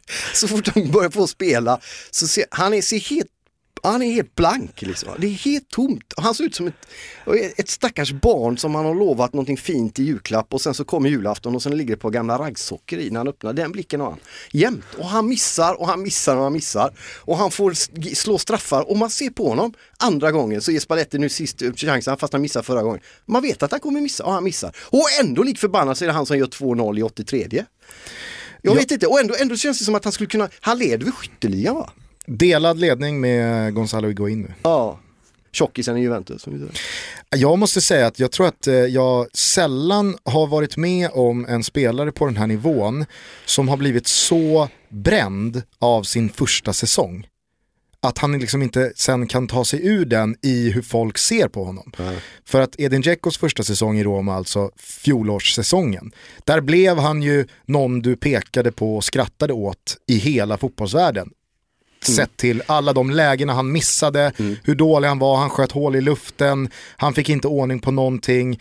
Han stod ju verkligen för eh, helt hårresande bommar. Precis. Och det var ju som den här, alltså om, om eh, en, en person som söker Idol kommer in och sjunger helt bedrövligt Mm. så har du ju fortfarande den insatsen på näthinnan nästa gång trots att det låter lite bättre. Mm. Du vet att ja, ja, egentligen så är det ju här kast.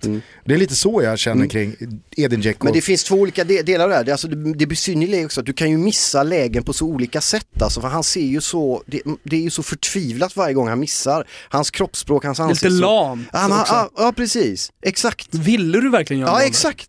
Vill du göra, vill, var du inte ledsen över det här? Eller liksom, har du fattat vad det är du missar nu? Det är den frågan man vill ställa. Och det, det är det ena. Och sen det andra var det ju att alla då som vi som satt och skrattade, eller en del av oss som var mer förtvivlat förbannade på honom, vad fan gör han inte mål för när han kostar så mycket? Vi visste ju att så här har det alltid sett ut för honom med de nya klubbarna första säsongen. Och att han sen har börjat leverera. Och det gör han ju nu med. Och ändå så ser han så jävla konstig ut. Han är konstig bara. Jag får, han är bara en märklig människa. Lite halvt lobotomerad. Ja, verkligen. Mer än halvt. Ja, Jag älskar honom när han gör mål, men jag gillar honom inte när nästa match börjar för han ser så konstig ut i ansiktet. När vi ändå är Det på är helt ämnet. ofri- det, Jag vet, det låter, det låter helt... Men han är besynnerlig och därför blir mina åsikter besynnerliga. Ja. När vi är på ämnet så undrar Oskar Isaksson vad du känner när du tittar på Roma. Eh, panik bara. Och när kommer, hur länge kommer... Kan de göra 3-0 så man kan vara lugn sista 20 åtminstone? Det är den känslan. Kan vi inte bara minnas tillbaka till när du, jag och eh, Marcus Gusten satt i eh, Expressen VM-studion. För du har ju samma känsla när det italienska landslaget Ja, spelar, inte minst, eh, ja precis, i ett mästerskap också. Ja. Eh, hur, hur- det lät då på, på Marcus i, i studion? Folk tror ju att, man, att det är ett spel det där. Nej, det, det, vi har det, satt det, i samma studio, Det är det är helt vedervärdigt. Och det var ju den enda matchen de vann, sen åkte de ju ut när han bet. De åkte ut mot Uruguay där. England eh, 2-1 ja. Ja, Ja, då snackar vi i jävla fina telefon här. minnen. Ja, just det, de slog England 2-1 i regnmatchen där ja. De spelade i Amazonas mitt i natt. Vi lyssnar. Ja, lite mer vältränad. Men eh, titta där på Thiago Motta, han vet ju exakt vad han Ja, vill ha ut av den det- situationen. Och det är det här jag menar med alltså. med spelare som, som verkligen vinner matcher åt lag. Ja, men du skjuter inte bollen där. Spela hem till Sirigu. Spela hem bollen! Ja, lite långt Nej, för det är för långt och så har de tre minuter för han lägger till en minut till den här jävla holländaren alltså. Jag tror faktiskt att eh, Pirlo skjuter och han, han skulle nog inte tacka nej till att dra den högt över. Bara man får ett eh, Det är ju avslut. bättre om den tar på någon av de här gubbarna och får hörna då. Spela hem bollen, spela till Sirigu bollen! Det är för långt! Nu pumpar jag lite retweets. är för långt. Folk blir vansinniga. Han är så jävla det kan inte bli mål där! Ja, vilken frispark av Pirlo. Va? Den är, alltså det är ju, vad är det, 35 meter han skjuter för? 30 meter? Ja, det, är så, det ser så lätt ut.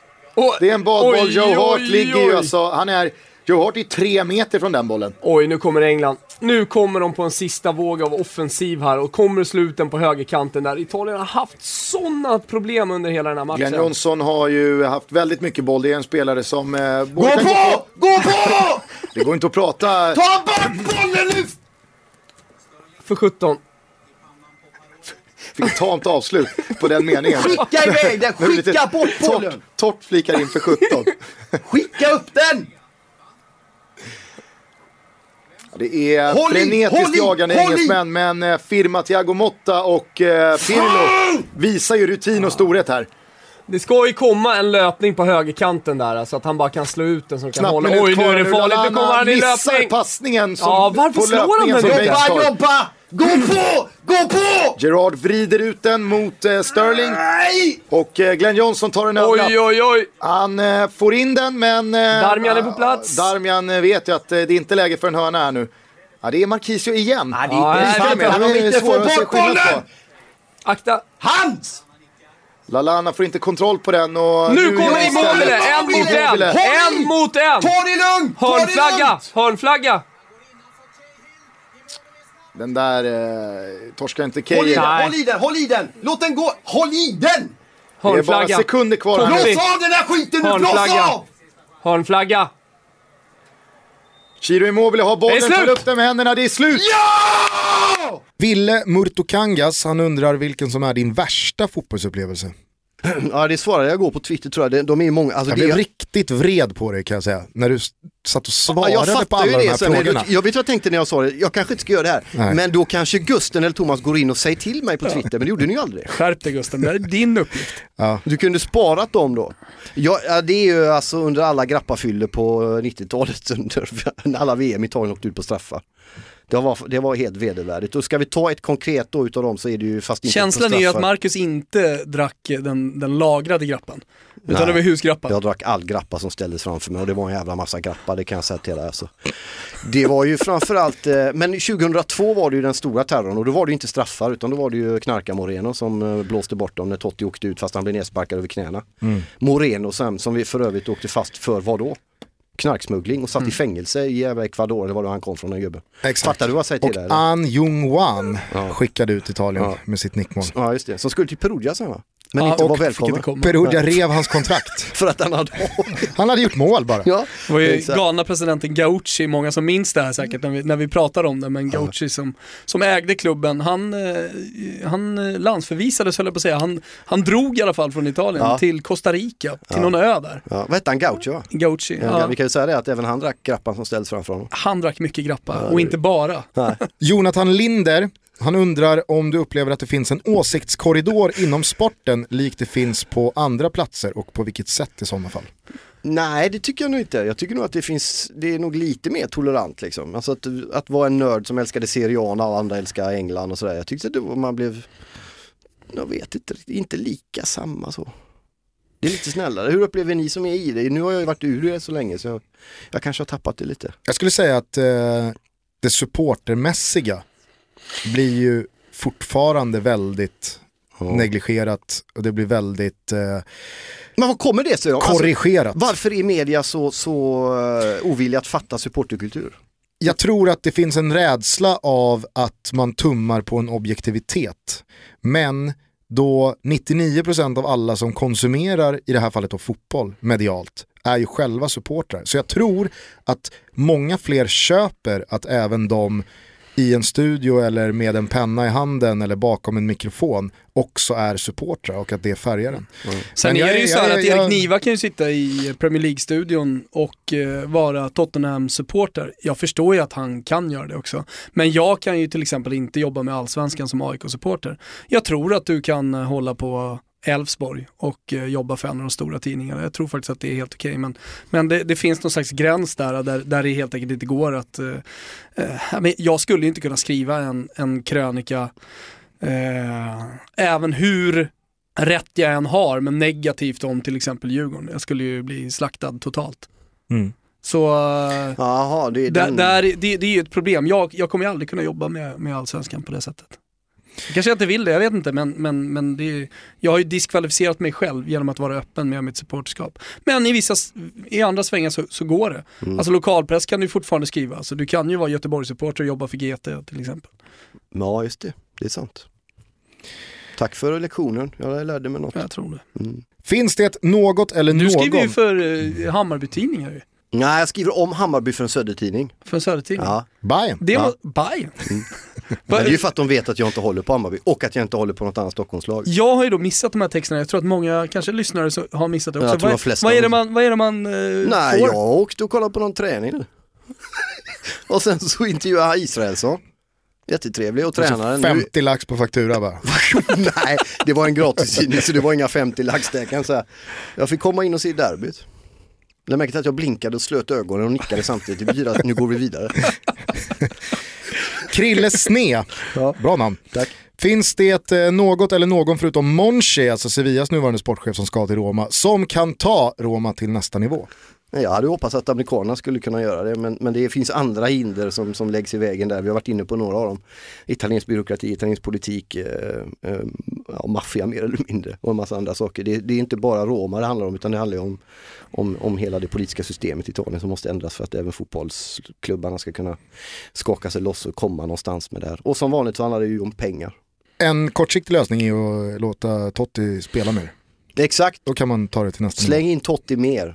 På tal om Totti så har Oskar Adler-Kreutz önskat eh, att vi tre har skrivit varsin haiku-dikt till Francesco Totti. Är det någon av er som har hedrat Oskars önskan här? Nej, jag har skitsvårt för haiku-dikter, det är jättesvårt att, att både skriva och, och ta del av. Thomas Tranströmer skrev några men, men de är svåra haiku-dikterna så jag får göra besvikna på det.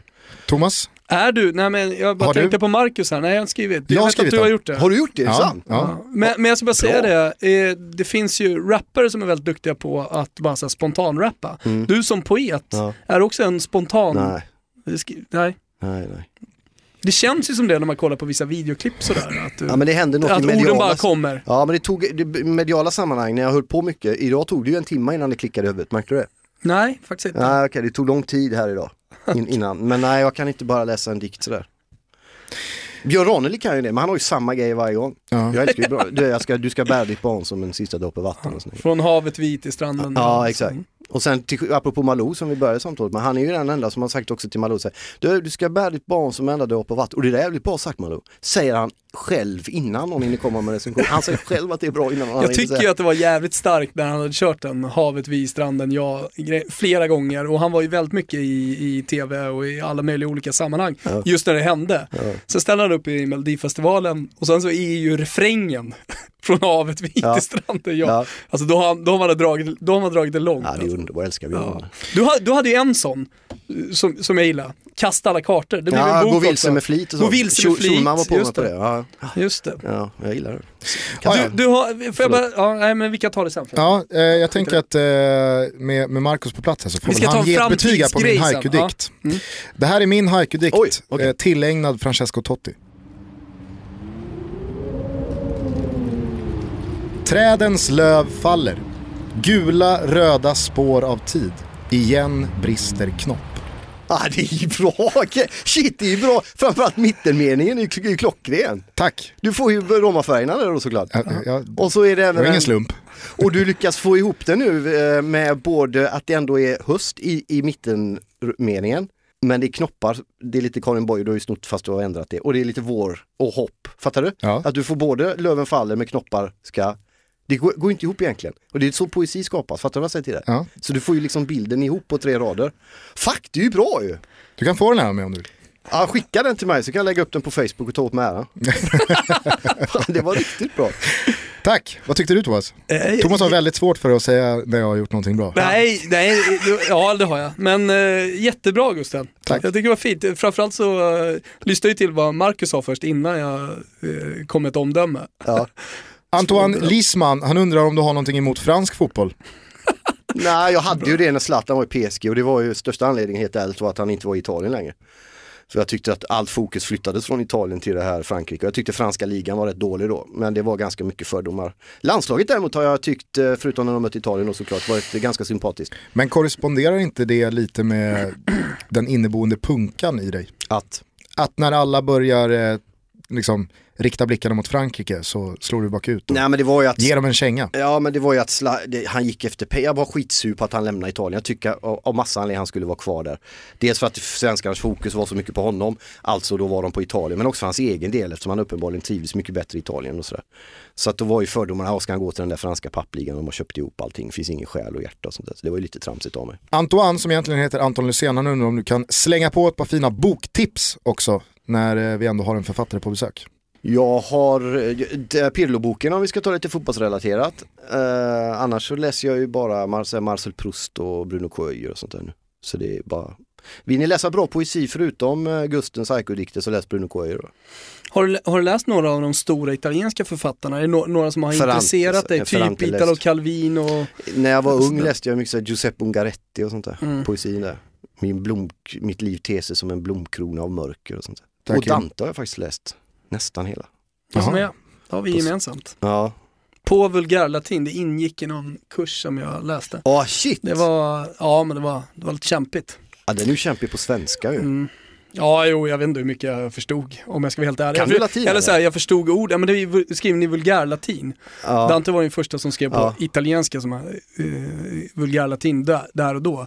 Eh, och just vulgärlatinen kom ju från Toscana, sena Florens-trakten. Så mycket av liksom den slangen som man pratar eh, fortfarande i Toscana var ju liksom skriftspråket som, som Dante skrev på. Så jag kunde ju förstå orden, men jag förstod inte alltid i, liksom, meningen eller vad det innebar. Eh, jag var inte tillräckligt begåvad Ah, för att Ja, men det är skitsvårt att, ju. att eh, fatta allting.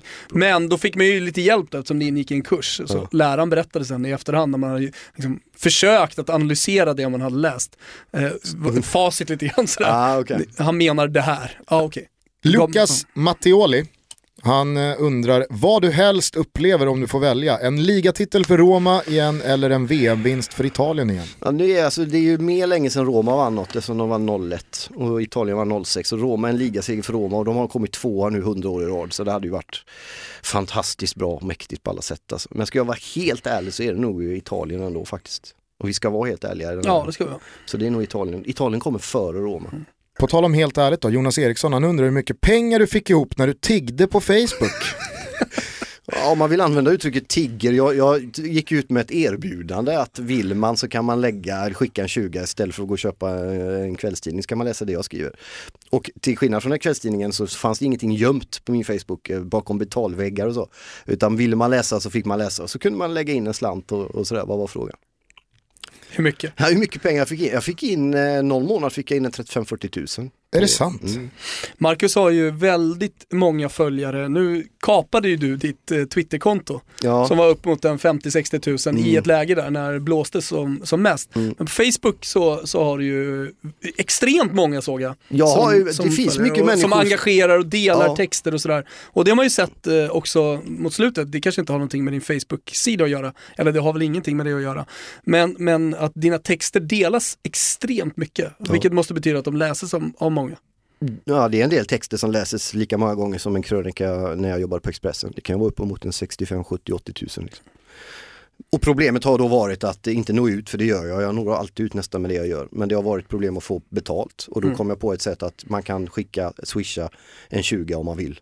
Och, och vill man inte så behöver man inte göra det. Om man tycker att det är att tigga. Men kallas inte det där för någonting nu för tiden? Att Det man finns har crowdfunding, crowd, ja. crowd, crowdfund. Det är en liknande grej liksom. Om Ja. man tycker att ja, men den killen är värd att lägga en 20 på så kan man väl göra det. Nu är det några månader sedan jag gjorde det eftersom jag har eh, löner från andra ställen nu så jag klarar mig. Klarar dig. Bra. Ja just nu är det, är det bättre än vad det har varit sedan jag var på Expressen faktiskt. Det är nästan samma. Det är underbart. Det är jag värd också.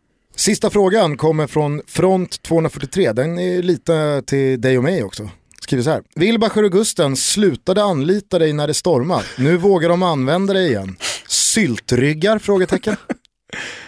Ja. Vad säger du Thomas? Ja, alltså, anlita. Vi, var, ju, han- vi alltså- var ju avlönade av och Expressen allihopa. Han sitter och stammar lite. Det knyter väl an till det vi sa, om inte i början så en bit in åtminstone, att, att jag var arg på en, en del av fel anledningar och fel personer. Jag var, Men- ja, det, blev ju, men, men, det var ju inte att ni var mina chefer och att Nej, ni det var inte vi som mig. plockade bort dig från. Calciomania. Och, om jag först- och jag tyckte väl då, vilket jag tror att jag hade fel i, att ni borde ha gjort mer. Men ni hade ju ingenting att säga till om där. Ni sen, var det ju, sen var det ju så här att jag tyckte att du skulle fortsätta skriva om italiensk fotboll och jag var, ju- var ju med och grundade Solo Calcio. Mm. kom ju på DI sen det här, men eh, eh, så, så var det ett läge, var det i samband med lunchen? Kan ha varit. Ja, det var nog Ja, lunch där, där du och jag hade kontakt på sms så jag ska, nej men det är lugnt, jag ska snacka med grabbarna. Men sen gick de ut med någon slags eh, meddelande eh, utan min vetskap och skrev att Marcus Birro kommer inte skriva mer här. Ja, det. Eh, så det fick jag ta en strid för varför gjorde ni det här utan att, att säga till mig? För jag hade kontakt med Birro, då hade jag kunnat sagt det. Men då uppfattade du det som att, eh, att, att jag hade gjort det. Ja. Liksom. Eh, Det var mycket sådana missförstånd som jag höll på det var lite sådana mi- miss, missförstånd eh, där då, men hur som helst jävligt intressant där att du hade skrivit några texter på Solo Calcio och sen så kom DI ut med en text att nu har minsann Solo Calcio sparkat Marcus Ja. Birro. Och jag hade, ska vi säga det också, kan vi erkänna nu, jag hade ju inte fått betalt. Nej, Jag skrev gratis. ja. Det var Solo Calcios största stund Ja. med DI. Ja. Hur går det för dem nu? Det här rullar på bra. Ja, bra. Det gläder mig. Det är viktigt att det finns en sajt helt dedikerad till italiensk fotboll. Absolut. Tycker jag. Absolut. Nej men eh, jag vet inte om eh, vi ska landa i någonting på den här frågan. Jag vet inte om vi ser oss själva som syltryggar för att man liksom tar hit Det är Marcus. nu. tvärt, alltså det är ju precis, ni, ni gör ju, det är ju precis tvärtom. Är det några som har stake och, och liksom ryggrad så är det ju ni som vågar göra det trots att ni har uppenbart en massa fans som tycker att det här var fel. Och ni stod ändå på er och säger vi tar in honom. Det är ju modigt, det är ju bra gjort, det är ju inga sillryggar. det Jag känner tvärtom. att jag måste leva som jag lär. Alltså, som jag var inne på förut. Jag har också gjort misstag, det har kostat mig mycket, men jag hoppas att det inte gör att alla vänder mig i ryggen och stänger dörrarna för mig för all framtid. Och då tänker inte jag leva så heller. Men om man kollar lite framåt nu, eh, du säger, nu, nu rullar det ju på. Eh, det har hänt väldigt mycket eh, de senaste två åren och man kan inte veta vad som händer i framtiden. Men, men vad, vilket håll liksom vill du sträva åt? Vad, vad känner du själv? Jag vill gärna att det ska fortsätta vara mer ekonomiskt stabilt för det, det har varit det tuffaste att gå ifrån liksom eh, eh en väldigt trygg fast ekonomi när man har barn och familj och allt sånt där tills att stå, jag gick ju från att ha liksom 80-90 tusen i månaden till bolaget till att ha 3 tusen i månaden till bolaget. Så att jag var ju nära, jag hade liksom, jag var eh, en och en halv vecka från konkurs för två år sedan så det var total kris och katastrof. Jag vill ha stabilitet, jag vill vara lite, lite smartare, eh, mindre arg, jobba på impulskontrollen och inte trycka iväg grejer som jag vet att jag möjligen kommer få anledning att ångra i efterhand. Men jag vill fortsätta vara sanningsenlig, men, men som, jag, var- som jag var inne på också, att vara lite mer tydlig med vilka konsekvenser det får. Jag har haft svårt att se på mig själv utifrån, min egen roll, om jag haft, alltså att jag påverkar många människor. Vilka sorts människor är det som läser och så vidare. Var, var tar det här fäste? Vad är det för människor som tar fäste? Vad leder det i förlängningen till för, för klimat? Jag vill hellre bygga broar än och jag har varit jävligt bra på att riva många broar de sista åren. Jag lyssnar på Alex och Sigges eh, podcast, då pratar de om dig, eh, eller Alex pratar om dig som eh, i framtiden så kommer du vara den, eh, jag, jag kommer inte ihåg exakt Jag vad tror att han sa, var opinions... 2017 års superstjärna i Ja. opinionsjournalistik eller något sånt där. Känner du att det barkar åt det? Dagen efter den podden så ringde ju den här Mikael Strandberg som gör upp ett hjärta med och erbjöd mig en stor månadsinkomst och sa att jag har massa pengar, jag köper den finaste utrustningen, nu kör vi. Har du tackat Alex då? Jag tror inte han är mottaglig för ett tack. Men jag kan göra det nu om inte annat så tack då Alex för att du sa som det var. Tror att det, bara, tror att, tror att det var därför Nej, men kom? alltså de, här, de här två, tre åren jag har varit ute i i den mediala kylan rätt mycket, och jag är ju fortfarande rätt mycket i det, även om det börjat gå bättre och så, så har det även, det, det folkliga engagemanget har ju varit alldeles oerhört. Alltså under tiden jag var med och vann På spåret och Let's Dance och med er i Expressen och höll på en massa, så kunde jag åka ut i land, det var inte en människa som kom, ingen som brydde sig. Nu var jag i Ängelholm med Mats Magnusson för en tre, fyra månader sedan och kollade på Rögle, Djurgården i ishockey. Och det står 200 pers i kö och ska hälsa på en. Mig, inte på honom. Det stod kö och hälsade på honom också. Men som en, bara en, en narcissistisk bild då över hur det har sett ut. Jag har varit helt förvånad över det, folkliga genomslaget och en del av det har väl liksom strömmat upp på redaktionerna. Liksom. För mycket av det jag skrev för tre, fyra år sedan är ju, är ju sånt som folk andra vågar skriva nu. Jag var bland de första som gjorde det. Liksom. Vad, vad kommer få dig tillbaka till eh, sport, eh, låt oss säga journalistiken, men, men att eh, skriva mer, mer fotboll? Till en början, man, den här stunden mer har jag lärt mig att jag har otroligt långt kvar. Man- märker att man tappar, det är som träning alltså. Du, du, det, det dallrar. Samtidigt är jag inne på att man behöver en annan Ja, del jo, också. fast jag, jag skulle nog behöva slipa den också. Jag skulle behöva dra några varv runt huset innan man satt sig i en tv-studio. För jag är jävligt ringrostig känner jag. När jag möter och pratar med er nu, ni håller igen nu, men jag, jag, jag har tappat väldigt mycket. Men eh, annars är det ju mer bara att någon ringer, har du lust att komma och gästa någon sändning inför Roma Lazio eller något sånt. Så klart man hade kommit, det hade varit fantastiskt. När du, Och få ändå, komma hit och prata med er har varit jättekul. när du ändå eh, hälsar eh, saker till folk, vill du hälsa någonting till Thåström? Nej, jag tar det på telefon. Om man svarar. Får jag bara, eh, för protokollets skull, du nämnde den lite kort här, den här lunchen, Ja. vad handlade den om? Bara så här, en gång för alla? Det var, jag hade varit i kontakt på Facebook med, vad heter han nu? Jag har glömt namnet på honom till och med. Eh, Med en av dem där. Vi, och vi hade, vi hade mejlat om, eh, om media, om utsatthet, om att bli missförstådd eller att uppfatta sig som missförstådd. Så vi, vi skulle ta en lunch och snacka om det. Och sen frågade han, får eh, den här Mattias följa med som var eh, någon uppe också? Ja, jag tar med, det är väl lugnt. Liksom. Men du, eh, så, så du visste ändå att det var Sverigedemokrater? Ja, oh ja, det är klart jag visste att de var Sverigedemokrater. Men, men sist jag kollade då, det här är väl tre år sedan nu va? Så fick man ju äta lunch med folkvalda utan att bli jagad av, av eh, paparazzisar. Ångrar du eller eh, står du fortfarande på det? Att, eh, det måste man få göra. Nej, det är klart man måste få äta lunch med Jo, jo, jag tänker bara att om du ångrar nej, ändå. Nej, jag ångrar inte den grejen. Och, nej, det gör jag definitivt inte. Vi pratar ju inte politik där. Vi satt och snackade om andra grejer. Och det var ingen hemlig lunch. Vi satt vid ett av de högsta fönsterborden i Gamla stan.